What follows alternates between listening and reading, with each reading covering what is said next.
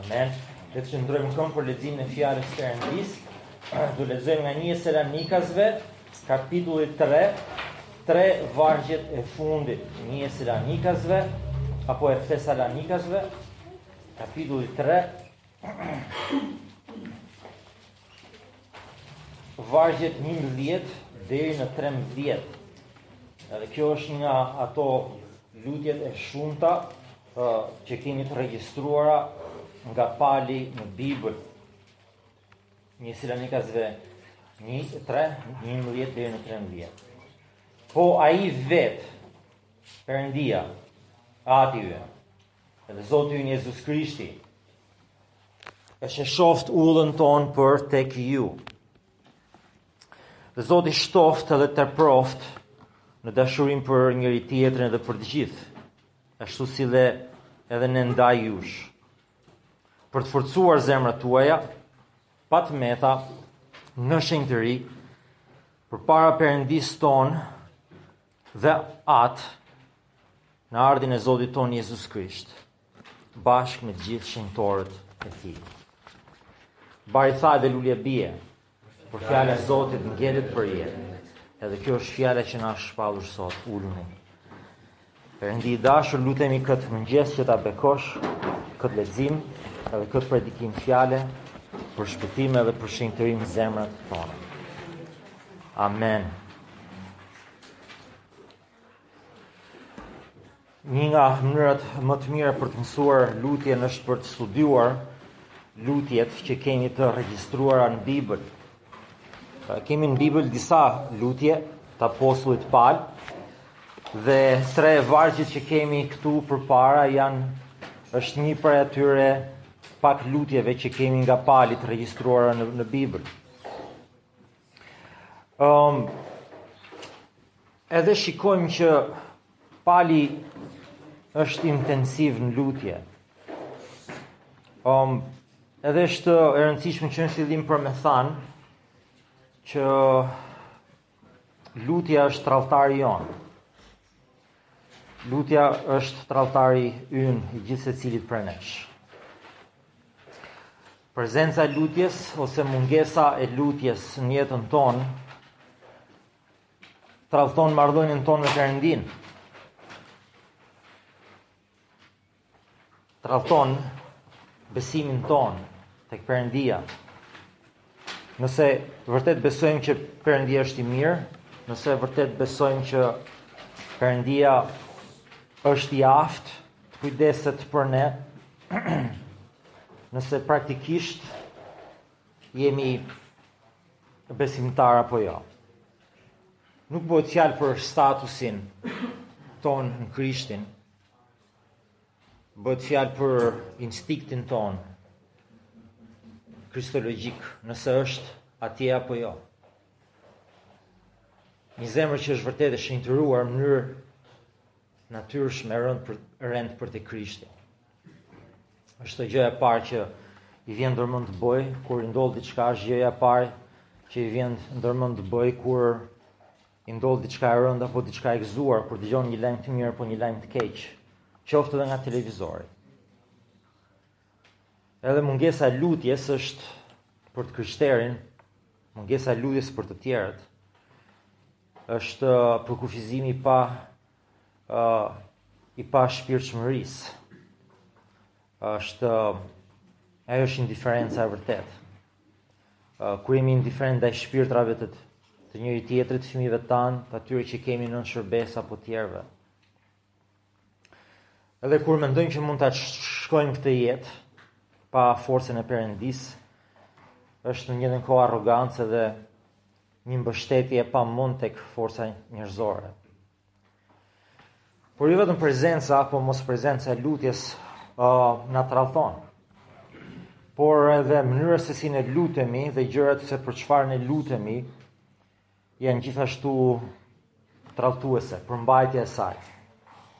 Unë do shtoja jashtë pasazhi që kemi përpara edhe mënyra se si ne shprehemi gjatë lutjes. Ë uh, është tradhtuese. tradhton se sa shumë e lexojmë Biblën apo sa pak e lexojmë Biblën. Tradhton se sa shumë e lexon apo pak e lexojmë Biblën kur ë uh, fjalori jonë ë uh, është i painfluencuar nga fjalori biblik, nga shprehjet biblike, nga konteksti biblik, nga konceptet biblike. Kur ne e ngrejmë lutjen nga mundja jonë dhe jo nuk e ndërtojmë nga fjala e perëndisë, tradhton gjithashtu një aspekt tjetër të realitetit tonë të brendshëm. Edhe kështu kur ne vim tek lutjet e palit, shikojmë një realitet tjetër, një realitet siç duhet të jetë realiteti jonë. Shikojmë lutjet siç duhet të jenë lutjet tona. Shikojmë prioritetin e palit. Shikojmë që pali i drejtohet perëndisë, nuk i lutet vetëvetes, shikojmë që lutjet e palit janë të fokusuara tek të tjerët, shikojmë që lutjet e palit janë frymërore në përmbajtje, edhe që pali pranon varësinë totale të tij nga perëndia. Edhe kjo lutje e Palit tregon që Pali jo vetëm që predikonte shpëtimin me anë të hirit, por gjithashtu varet pikërisht nga hiri që ai predikonte edhe për jetën e përditshme, për detajet më të vogla të jetës e mbi të gjitha edhe për shërbesën dhe për bekimin e të tjerëve. Um, tre gjëra duhet të them këtë mëngjes. Tre gjëra kryesore. Edhe do mundohem t'i bie shkurt. Uh, së pari ne shikojmë në lutjen e palit një lutje për të hapur një rrugë për t'iu bindur Perëndisë dhe për të bekuar popullin e tij. Ky është qëllimi i parë i palit në lutje. Kur pali lutet dhe fokuson tek vargu 11, por ai vetë Perëndia Ati ynë dhe Zoti ynë Jezus Krisht e sheshoftë udhën tonë për tek ju. Pali tani po reagon. Ka çuar Silën, ka çuar Timoteun për të për të parë janë s'janë gjallë, si janë me këta besimtarë që kemi lënë uh, mbrapa në Thesalonik me shumë nxitim kur donin të na vrisnin. Kthehet Pali me Silën, dëgjojnë lajmin e jashtëzakonshëm Pali dhe Edhe shpërthen në lutje nga gëzimi, është rindezur lutja e palit edhe lutjet përgjëruese të palit për këtë qëllim edhe pali menjëherë ka dëshirë që të jetë përsëri um, në Thesalonik dhe ai tashmë ka thënë tek uh, vargu dhjetë që um, duke u lutur tej mase shumë natë e ditë që të shohim fytyrën tuaj um, që të plotësojmë ato gjëra që ende i mungojnë besimit tuaj, por është është i ligu ai që po na pengon, që po i bëhet pengesë dëshirës tonë dhe planit tonë për të ardhur tek ju. Qëllimi i palit pra është që t'i bindet Perëndisë. Qëllimi i tij është që të shkojë në Efes dhe të shtojë ta përfundojë atë punën e dhënies së gjithë fjalës së Perëndisë kishës në Thesalonik. E ky është qëllimi i Palit që t'i bindet Perëndisë, edhe që të bekohet populli i Perëndisë. Edhe kjo rruga mund të hapet vetëm përmes lutjes. Edhe kur flasim për këtë qëllimin e Palit për bekimin e popullit Perëndisë, vëmë re që shikoni se ky bekim i popullit Perëndisë është i lidhur me Atin edhe me Birin, është i lidhur me të dy. Shikoni vargu 11 thotë përsëri po ai vetë Perëndia, Ati ynë dhe Zoti ynë Jezus Krisht e sheshoft udhën tonë për tek ju. Tani vini re diçka interesante, sigurisht në greqishten e në, në origjinal nuk ka as pikë as presje, i, i gjithë libri është pa pikë pa presje. Um, dhe ajo presja aty që kemi po ai vetë, presja pas fjalës Perëndi, presja pas fjalës Ati ynë, Um, janë, nuk janë, nuk, nuk janë. Um, edhe aty duket sikur ndahet mendimi në shumë copa, por ka vetëm një mendim aty. Dhe çfarë ne aty kemi është një folje, që është në mashkullore njëjës, ai të hapë um, ai e sheshoftë Por personat të cilët e bëjnë këtë veprim e kanë këtë funksion janë në shumës. Një është Perëndia Ati edhe Perëndia Bir dhe në fakt Pali e quan atë Zoti ynë Jezus Krisht.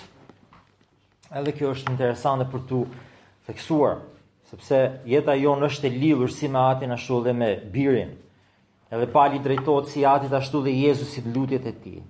Edhe të dy janë i shikon Pali si aktivë për t'iu përgjigjur lutjeve tona. Edhe Pali u lutet të dyve. Në fakt që te kapitulli një, tek vargu një, Pali ka deklaruar kishës së Thesalonikasve në Perëndinë Atë dhe në Zotin Jezus Krisht. Pra që në fillim, ky është identiteti jonë, është jemi në Atin edhe në Birin, dhe rrjedhimisht tani Pali i lutet edhe Atit edhe Birit që t'i sheshojë ato shtigjet e kthimit në Selanik, e sheshoftë, thotë ai, udhën tonë, e sheshoftë është në njëjës, ai, Perëndia, por aty pastaj përmend dy persona Atin edhe Birin. Dhe, um, Edhe ky është besimi i Palit, jeta jonë është e lidhur dhe me atin dhe me birin. Dhe është akoma edhe më interesante kur vëmë re këtu tani doktrinën e Trinitetit. Ajo folja në njëjës dhe personat në shumës janë shumë uh, interesante për të treguar zotërimin e Krishtit um, edhe një, njëshmërinë e Krishtit me atin.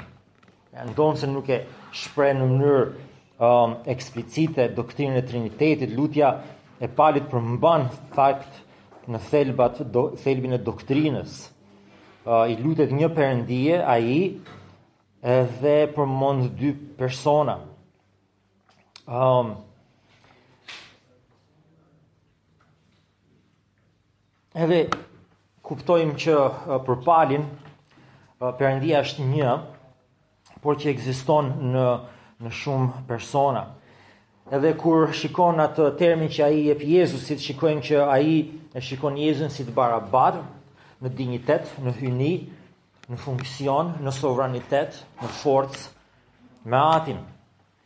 Edhe um, e kjo është arsyeja pse në uh, koncilin e Nikesë në vitin 325 pas Krishtit, uh, pastorët e atëhershëm etërit e kishës së atëhershme u grumbulluan për të debatuar doktrinën uh, e Trinitetit, por edhe të mbi gjitha të hyjnisë së Krishtit. A është Krishti vetëm njeri, a është Krishti vetëm Perëndi që ngjajti si njeri, Apo është Krishti të dy, e cilat janë marrëdhëniet e këtyre dy natyrave të Krishtit. Edhe sigurisht që askush nuk mund të mohonte që Krishti ishte vërtet njeri. Vetëm para qind vjetësh ato uh, kishin takuar dishepujt e atyre që i kishin qenë vetë me Krishtin. Por ishte çështja është Krishti hyjni, Historianët më vonë kanë thënë që uh, kisha ka shpikur këtë doktrinën e hyjnisë së Krishtit, se nuk është në Bibël, është një uh, është është është një një një rrjedhojë logjike që uh, që teologët kanë nxjerrë nga nga mendja e tyre apo për çfarëdo lloj arsyeje. Dhe shumë e rëndësishme që Shën Athanasi një prej uh, etërve të kishës në atë kohë, ishte një dhjakon, ende ishte i thirrur uh, si delegat nga Afrika e Veriut që debatonte, dhe ai shkon dhe debaton dhe ndërton një argument pikërisht nga ky pasazh në koncilin e Nikesë, Edhe thekson madje kapet pas këtij përemrit dhe thotë që ai përemër i referohet edhe Atit edhe Birit në kombinim. Edhe Atit dhe i Birit në kombinim. Por gjithashtu shikojmë faktin që Pali i lutet një Perëndie edhe Atit edhe Birit, shikojmë që edhe Ati dhe Biri janë të bashkuar gjithashtu edhe në të njëjtin qëllim, edhe në të njëjtin vullnet. Në janë të bashkuar në planin që ata kanë për botën, janë të bashkuar në providencën që ata kanë për gjithë secilin prej tyre, janë të bashkuar dhe po punojnë së bashku për shpëtimin e kishës edhe për shenjtërimin e kishës. Edhe është shumë e rëndësishme që kaq herët, vitet 50 pas Krishtit, vetëm 20 vjet apo më rreth 15 vjet pas Krishtit, kemi një shprehje të qartë të hyjnisë së Krishtit, edhe të doktrinës së Trinisë që do ta shikojmë më më pas edhe se si shprehet edhe edhe prezenca e frymës së shenjtë në këtë në këtë pasazh. Edhe kur flasim që Perëndia është Perëndi i providencës, Ati dhe Biri janë të bashkuar në qëllim edhe në vullnet, edhe ata drejtojnë hapat e gjithë secilit prej nesh, edhe për çdo gjë dhe Pali tregon jo vetëm besimin e tij në hyjninë e Krishtit, por dhe sigurinë e tij në providencën dashamirëse të Perëndisë për popullin e tij, thotë lutem që Perëndia të na i drejtojë neve për bekimin tuaj dhe për inkurajimin tonë këmbët tek njëri tjetri. Pali beson se kontrolli i Perëndisë mbi ngjarjet e jetës shtrihet edhe në praktikat um, e çdo lloj praktikash, çdo lloj planesh njerëzore deri te udhëtimi. Edhe kjo është një prej arsyeve pse ne si të krishterë gjithmonë lutemi përpara se sa shkojmë Të udhëtojmë. Kuptohet që njerëzit luten akoma më fort kur do hipin në avion. Aha, unë mendoj që njeriu duhet të lutet më shumë kur i hipën makinës se sa kur i hipën avionit. Edhe akoma më shumë kur i hipën biçikletës. Në të paktën këtu në Shqipëri, Um, edhe, edhe, edhe, edhe Pali lutet për, për bekime udhëtimi. Edhe, edhe kjo është edhe ajo uh, rrënja e, e historisë se gjithmonë të krishterët janë, janë lutur për, për bekime udhëtimi. Është e, e, e nevojshme është hiri i Perëndisë për çdo gjë. Pali nuk mendonte se Perëndia është shumë e zënë me menaxhimin e universit, me marrë, merret me, me Putinin e me, e me, e, e, e me kryeministrat e botës dhe s'ka kohë për ne, përkundrazi Perëndia merret kryesisht me ne, është kryesisht për kishën e tij dhe pastaj gjithë historia e njerëzimit është në funksion të kishës, e gjithë historia e Shqipërisë është në funksion të kishës në Shqipëri, e gjithë historia e Evropës është në funksion të kishës në Evropë. Edhe Pali po praktikonte ato Fjalët e Urta 16:3 që thotë besoja, Zotit, udhët e tua dhe planet e tua do të realizonte. Edhe Pali ishte qartë pra që besonte se Perëndia kishte të drejtë që të ndërhynte në aferat njerëzore, kishte të drejtë që të ndërhynte në natyrat njerëzore, kishte të drejtë madje që ndërhynte edhe në vullnetin e njeriut. Mbaj mend një shokun tim arminian thoshte që Ëm uh, Perëndia nuk ndërhyn vullnetin e njeriut. Nuk shkon kundra vullnetit të njeriut. Edhe e pys ti kur hipën makinës lutesh që një shofer uh, i papërgjegjshëm O, të të mos godasë ty, a lutesh që një i pirë të të mos godasë ty, a, a lutesh që një person e, i, i papirë, plotësisht i ndërgjejshëm, por i lig që ka dëshirë të të lëndojë ty, a nuk lutesh ti që Perëndia të të mbrojë ty nga ai? Po, lutem. Pra në lutje ti je kalvinist. Në lutje ti po i thua Perëndisë, Perëndi shko kundra vullnetit të atij dhe më mbro mua nga qëllimi i atij. Ndrysho vullnetin e satanit, ndrysho vullnetin e të ligjve, ndrysho vullnetin e atyre që janë nuk ia duan të mirën të kishës apo të krishterit, apo ai që s'ma don mua të kishën thjesht nga ana profesionale. Edhe po i lutesh Perëndisë që të shkojë kundra vullnetit të atij. Në gjunjë ne të gjithë jemi si Pali. Në në gjunjë ne të gjithë jemi besimtarë të sovranitetit të Perëndisë. Edhe kjo është ajo që çdo detaj i jetës tonë është në duart e Perëndisë, edhe në vetvete, është një pikë lutje. Edhe kjo është ajo pyetje që ne duhet t'i bëjmë vetes tonë këtë mëngjes, a kemi një jetë lutëse, gjithsecili prej nesh, a beson se ke nevojë çdo ditë për hirin edhe forcën e Perëndisë për çdo detaj të jetës tënde? A lutesh për tjetrin, për çdo detaj të jetës së tjetrit? E cili është besimi yt i vërtetë? Si e tradhton lutja jote zemrën tënde? A je praktikisht uh, ateist apo apo i krishterë? A je praktikisht besues i Perëndisë dhe nevojtar i mëshirës së Tij? Apo praktikisht beson në veten tënde për bekimin Tonë, e vëlla e motër, çdo detaj i jetës tonë është në duart e perëndisë dhe duhet të jetë një pikë lutje. Tek një e pjetrit, kapitulli 5, vargjet 6 dhe 7, pjetri thotë, përuluni pra nën dorën e perëndisë, nën dorën e fuqishme të perëndisë, që ai t'ju lartësojë në kohën e duhur, dhe gjithë merakun tuaj hidheni mbi të, sepse ai merakoset për ju.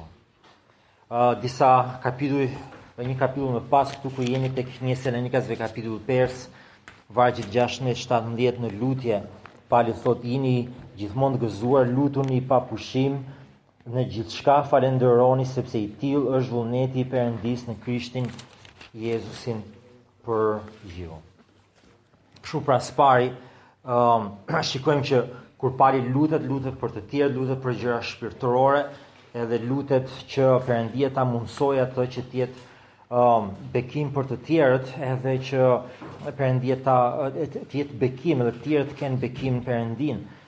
S'dyti shikojmë që pali tek vargu 12 lutet për një dashuri të bollshme dhe gjithnjë në rritje për njëri tjetrin edhe për këdo, tek vargu 12 pali thotë, edhe Zoti shtoftë edhe teproftë në dashurinë për njëri tjetrin edhe për të gjithë, ashtu si edhe ndaj jush. Um, thamë që lutjet tona, shërbesat tona duhet të jenë um, së pari për gjëra frymërore. Edhe pali lutet aty që dashuria të të jetë e bollshme në prezencën e kësaj kishe. Um, Pali kuptonte që rritja shpirtërore e kësaj kishe nuk ishte në thjesht në duart e palit, për shkak të predikimit apo në duart e tyre. Uh, për shkak të leximit të Biblës apo e, kjo është e vërtetë, duhet të lexojmë, duhet të lutemi, duhet ta adhurojmë së bashku, duhet të ndajmë bukën së bashku, duhet të marrim darkën e Zotit. A duhet të lexojmë Biblën, duhet t'i synojmë këto të gjitha së bashku, por në fund të fundit burimi dritarja nga nga dalin gjitha këto bekime është atje lart në qiell edhe ajo dritare hapet përmes çelësit të lutjes edhe një prej atyre gjërave um, që ne të rrit, rritemi shpirtërisht është është dashuria Edhe prandaj ai lutet që dashuria të teprojë në popullin e perëndisë. Um, edhe e din që ky është problemi më i madh i të krishterit, nuk beson tek dashuria e perëndisë. Nuk beson tek dashuria e perëndisë. Kjo është e vërtetë. Nuk edhe nëse besojmë, e besojmë si koncept, por nuk e dimë se sa e madhe është. Nuk e dimë se sa e thellë është, nuk e dimë se sa e gjerë është. Përndryshe, do të kishte një efekt fenomenal në jetën tonë. Edhe kështu Pali, shikojmë tek Pali që uh, ajo, si thua, është pika e parë e lutjes, apo pika e dytë e lutjes për Palin është që uh, kisha të rritet në dashuri. Kisha duhet të rritet në dashuri. Dhe është interesante, pyetje është pse Pali lutet për dashuri për këta. A nuk po kontradikton Pali vetveten? Sepse Pali më parë ka thënë që fama juaj, o selen, o të krishterë nga, nga Thesaloniki, Është në të gjithë Maqedoninë. Dashuria juaj është e famshme në gjithë rajonin.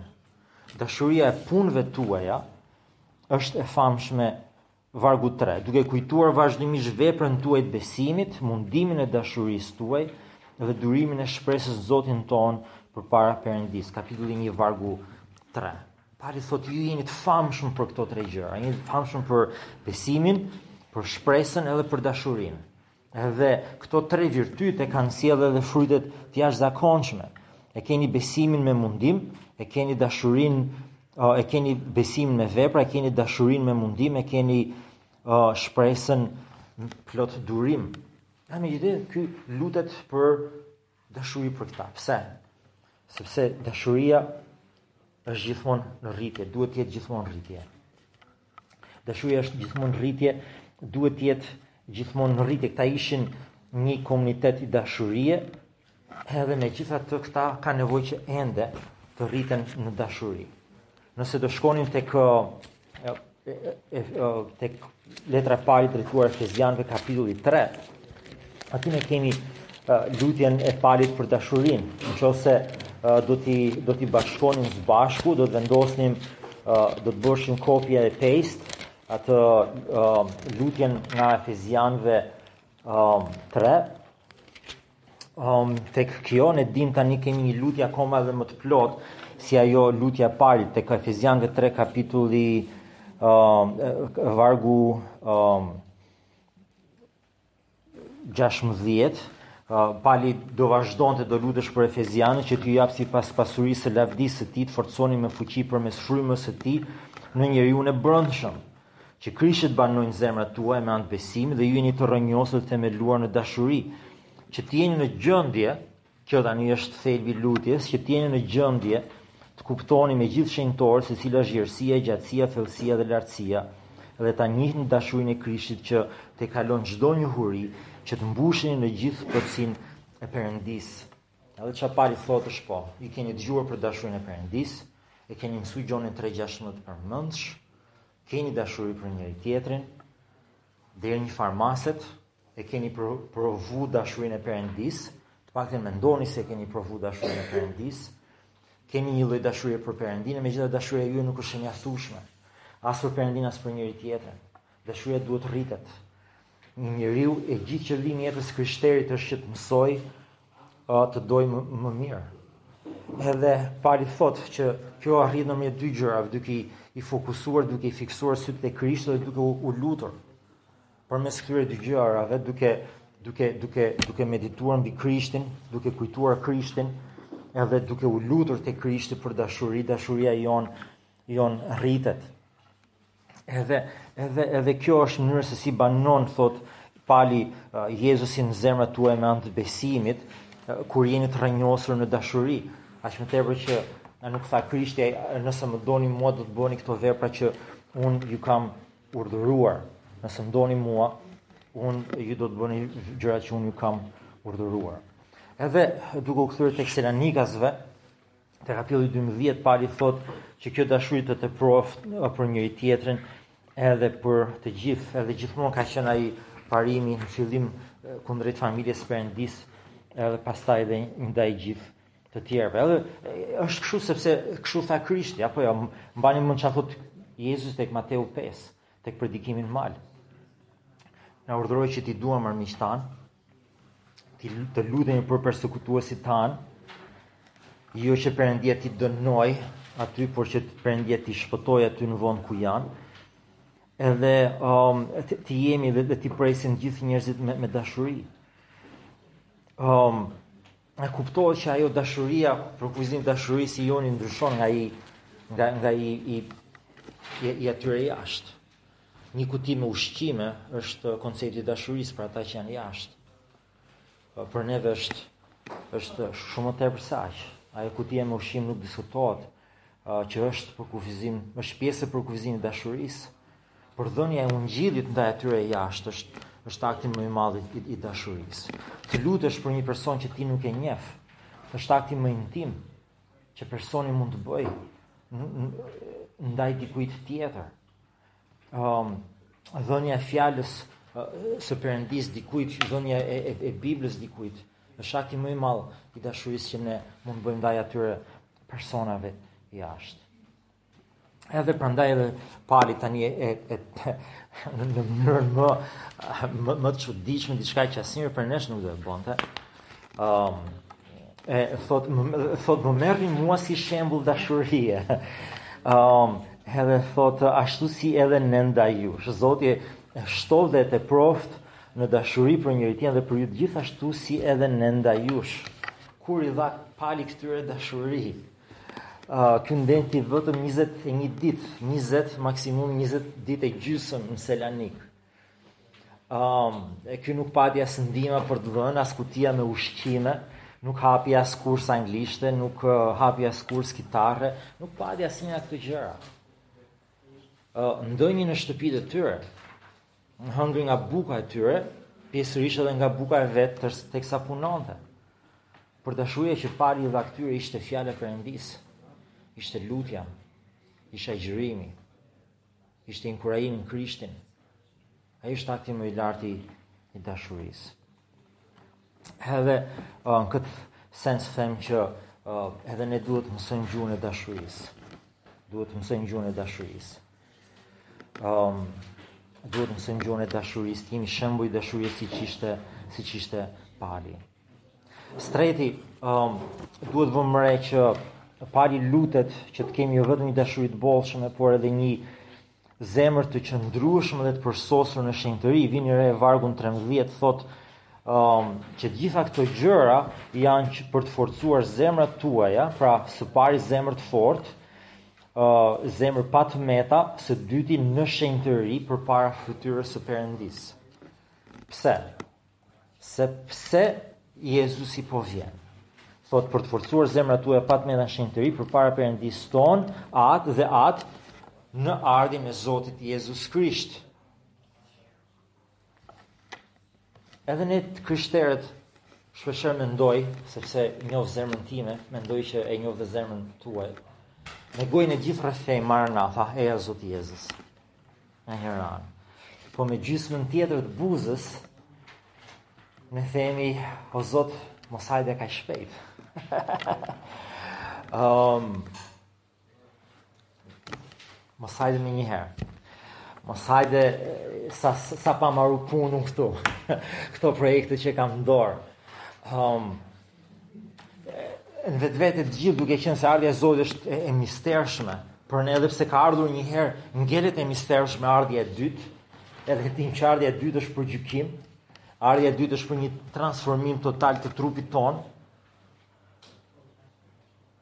Aq shumë sa e, e duam maman edhe dua ta shikoj përsëri mendoj që njëfarë mase do jetë traumatike. Ta shikoj të ngjallur nga të vdekurit. Është traumatike. Është traumatike të shikosh veten me një trup tjetër. Është e frikshme. Edhe Pali thotë, a nuk është ky problemi jonë. E dimë që Jezusi po vjen, por nuk po jetojmë në në këtë kontekst. Nuk jetojmë me atë pritshmëri. Madje, thellë, ndoshta në zemrën tonë, as edhe nuk e dëshirojmë që të vijë menjëherë. Um, sepse është e, e mistershme është gjithmonë e frikshme. E panjohja është gjithmonë e frikshme. Apo mos ndoshta sepse ne e dimë shumë mirë që zemrat tona nuk janë pa të meta në shenjtëri.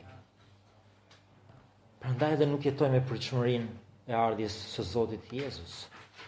E dimë sepse jemi të gjithë mëkatarë, të pavlefshëm për dalë përpara syve të tij, besojmë hirit të tij, por nuk e, nuk e dimë se sa i thellë është hiri i tij, po sikur të mos jetë aq i thellë sa na thuhet në Bibël. Po sikur dashuria e tij të mos jetë aq e thellë sa të më pranojë kështu siç jam. A nuk janë këto pyetjet e dyshimit ndaj ungjillit? Nuk janë këto pyetjet e dyshimit ndaj dashurisë së perëndisë. Që kthehemi tek vargu 11. Pali u lut që këta të rriten në dashuri. Kthehemi tek Efezianëve 3. Që të shikoni se sa e madhe, sa e thellë, sa e gjerë, sa e gjatë është dashuria e perëndisë për ju. Që të mos keni dyshim në ardhjen e Krishtit, që të mos keni frikë nga ardhja e Krishtit, që të jetoni me dëshirë për ardhjen e Krishtit. Se dhe kapu pas dashurisë së perëndisë, sepse ajo i fshin të gjitha frikrat e misterit edhe të së ardhmes. Sepse ne duhet të jetojmë në këtë kontekstin eskatologjik të ardhjes së mbretërisë, të ardhjes konsumuese të plotë të mbretërisë së perëndisë. Edhe Pali thotë, prandaj dua që të vij në Thesalonik, vazhdoj predikimin e ungjillit aty ku e lashë, që të forcoj zemrat tuaja, që të, ju të jeni pa të meta, të jeni shenjtëri përpara Perëndisë, të jeni gati për ardhjen e Krishtit. Edhe pyetja për personale për gjithsecilin prej nesh është kjo. Si do të qëndrosh përpara Perëndisë kur ai të vijë?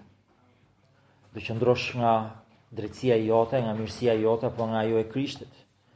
Do qëndrosh e do i dalësh Jezut përpara me besimin tënd, apo do i dalësh Jezut përpara me drejtësinë e Jezusit? Mbani mend diskutimin që patëm të mërkurën. Pyetja tjetër është, a përputhet statusi yt me gjendjen tënde. Ka një ndryshim ndërmjet drejtësimit edhe shenjtërimit. Drejtësimi është një deklaratë që ne kemi nga Perëndia, është një status që ne kemi nga Perëndia. Shenjtërimi është gjendja në të cilën ne ndodhemi. Edhe gjendja jonë duhet të përputhet me statusin tonë.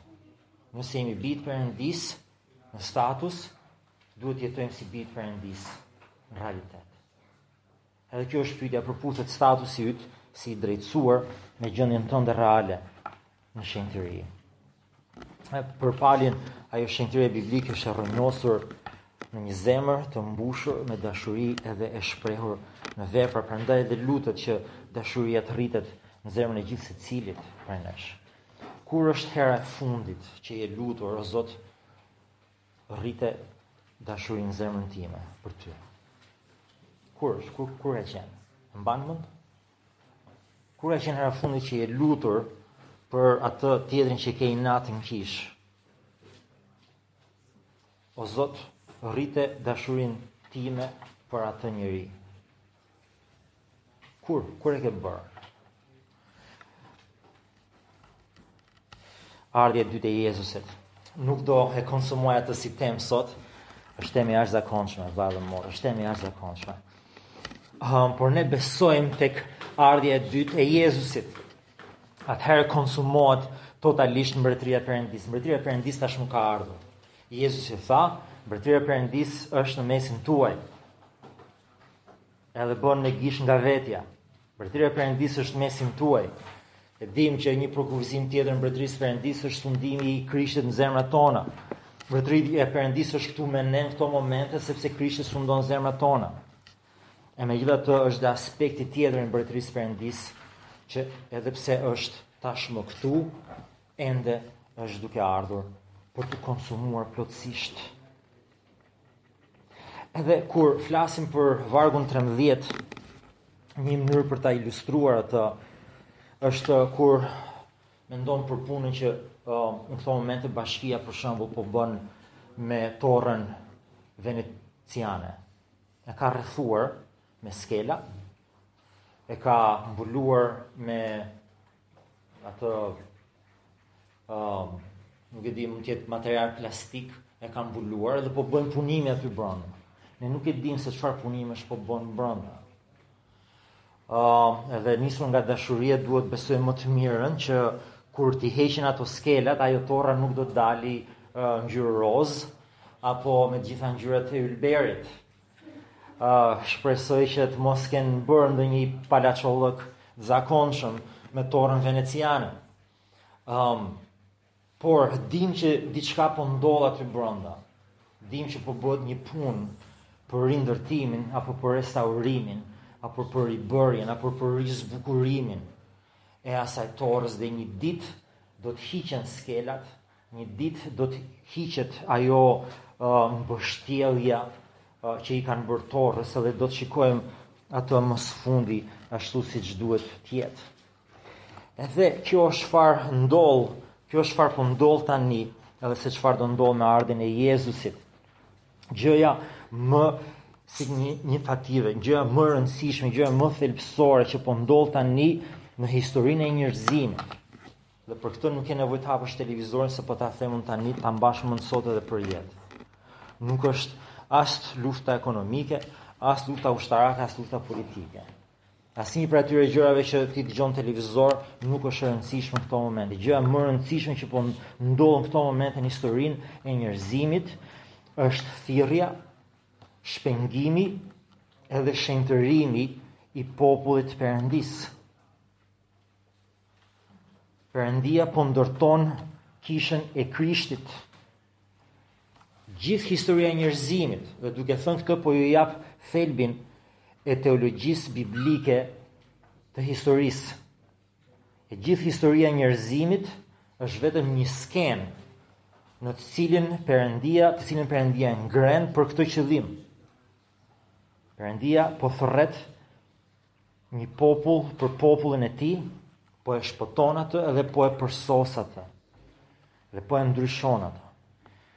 Edhe klimaksi i historisë së njerëzimit, pika kulminante e historisë së njerëzimit është kur Perëndia do të uli perdet, kur Perëndia do të heqi atë um, ato, ato, ato shkallët e, e, e, e, e kësaj bote të, të, të, të shkatërruar, edhe Zoti Jezus vjen në këtë botë me një lavdi të pafundme. Edhe pjesa tjetër e historisë që ngelet është thjesht ai zmontimi i këtyre skelave përreth asaj të veprës monumentale që Perëndia po po ndërton.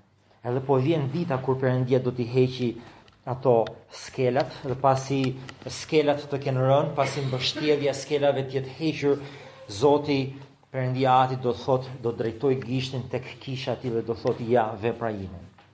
Ja vepra ime. Ja um, ajo vepra ime më e bukur që kam bërë ndonjëherë në të gjithë krijimin.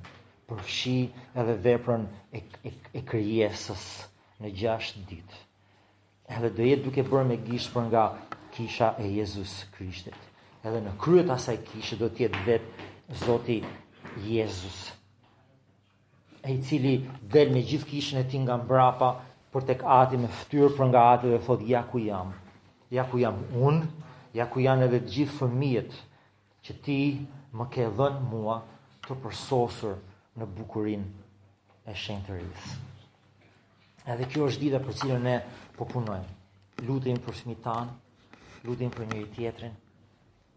Kjo është dita për cilën ne duhet të jetojmë ditë pas dite që Perëndia të manifestohet në gjithë lavdinë e tij në popullin e tij. Edhe nëse ne jetojmë për atë ditë, jetët tona do ndryshojnë.